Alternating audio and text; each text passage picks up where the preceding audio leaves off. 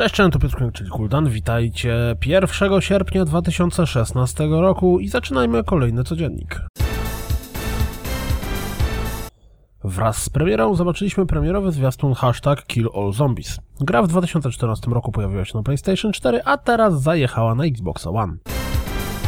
Abzu w nowym zwiastunie przekonuje nas do siebie tym razem orkiestrową ścieżką dźwiękową fabularnego zwiastuna Valley dowiedzieliśmy się, jaką to tajemnicę przyjdzie nam w grze rozwikłać, a przy okazji przypomniano nam, że gra będzie dostępna na PC, PlayStation 4 i Xbox One 24 sierpnia.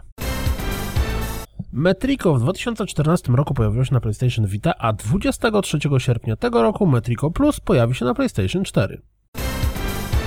Transport Fever przypominał sobie zwiastunem w związku z nadchodzącym Gamescomem, a wszyscy fani transportowych tajkunów mogą wyczekiwać jesieni tego roku, kiedy to gra będzie mieć premierę. Pojawił się zwiastun Lost Salt Aside, indie gry robionej przez jednego człowieka na Unreal Engine 4. Wow! Już niedługo w ramach Steamowego Early Accessu pojawi się Stable Orbit, symulator, chyba, stacji kosmicznej. Zobaczcie zwiastun.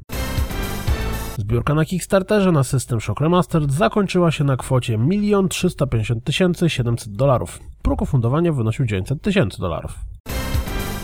Jeśli czekaliście na livelog, który miał pojawić się już 2 sierpnia, to mam dla Was złą wiadomość. Data premiery gry została zmieniona na zostanie ogłoszone w przyszłości. Superdata, czyli firma zajmująca się analizą rynku gier wideo, przepowiada, że Battleborn stanie się grą free-to-play. Ploty i wypowiedź pana ze studia sugerują, że kolejna gra Niantic ma być związana z uniwersum Harry'ego Pottera. Ploty, czy wręcz teoria spiskowa sugeruje, że Blizzard dyskretnie sugeruje zbliżającą się zapowiedź czwartej części Diablo. A więc niektórzy streamerzy czy też youtuberzy w związku z BlizzConem 2016 dostali pudło z fantami. Wśród nich był zestaw kostek do gry graficznie związany z Diablo. W tym kostka czterościanna D4 z błędnym nadrukiem. Zamiast 1, 2, 3 na jednej ze ścianek było 1, 2 i 4. Przypadek czy zabawa Blizzarda z fanami? Od momentu pojawienia się figurek Amiibo 2 lata temu przyniosło na Nintendo łączny dochód przekraczający pół miliarda dolarów. Huch.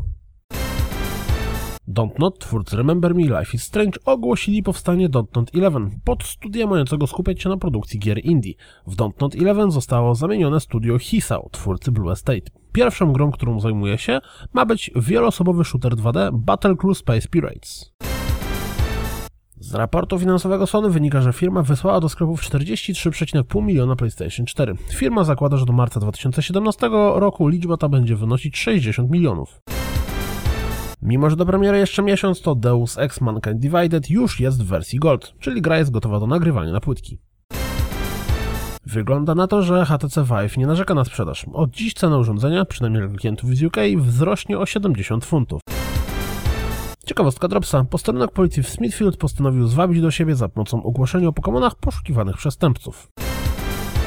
Wspierający na Kickstarterze Yoka Laylee dostali dostęp do trybu Toybox. Jeśli jesteście ciekawi gry, to sprawdźcie filmik z fragmentami rozgrywki z tego trybu. W związku ze zbliżającym się dużym letnim update'em do Xbox One warto sprawdzić wideo prezentujące co on zmieni czy też wprowadzi. To wszystko na dziś, jak zawsze. Dziękuję za słuchanie. Jak zawsze zapraszam na www.rozgrywkapodcast.pl. Jeśli doceniacie moją pracę, wesprzyjcie mnie na Patronite i mam nadzieję słyszymy się jutro. Trzymajcie się. Cześć!